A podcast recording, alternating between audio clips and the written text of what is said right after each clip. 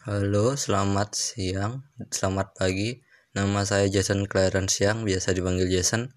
Uh, di podcast kali ini, episode pertama, saya akan menjawab pertanyaan dari Pak Ibe. Tugas pertemuan satu. Uh, soal nomor satu, apa sajakah yang Anda ketahui tentang musik barat? Berikan pemaparan Anda.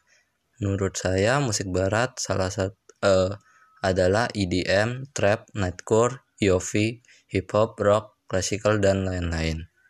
Nomor dua, berikan pendapat Anda mengapa musik barat sebagai patokan perkembangan musik di dunia. Berikan pendapat Anda.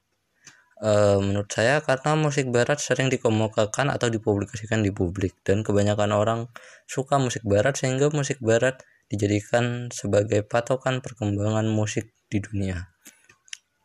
Pertanyaan ketiga, mengapa alat musik yang terdapat di setiap negara berbeda-beda? Berikan pemaparan Anda.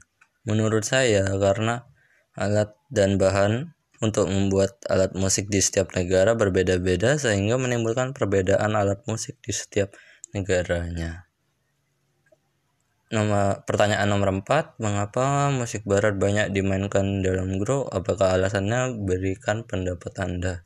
Karena alunan musik Menurut saya karena alunan dan nada musik barat terdiri dari banyak komponen seperti komponen dari gitar, drum, bass, keyboard atau piano dan lain-lainnya sehingga harus dimainkan dalam bentuk grup.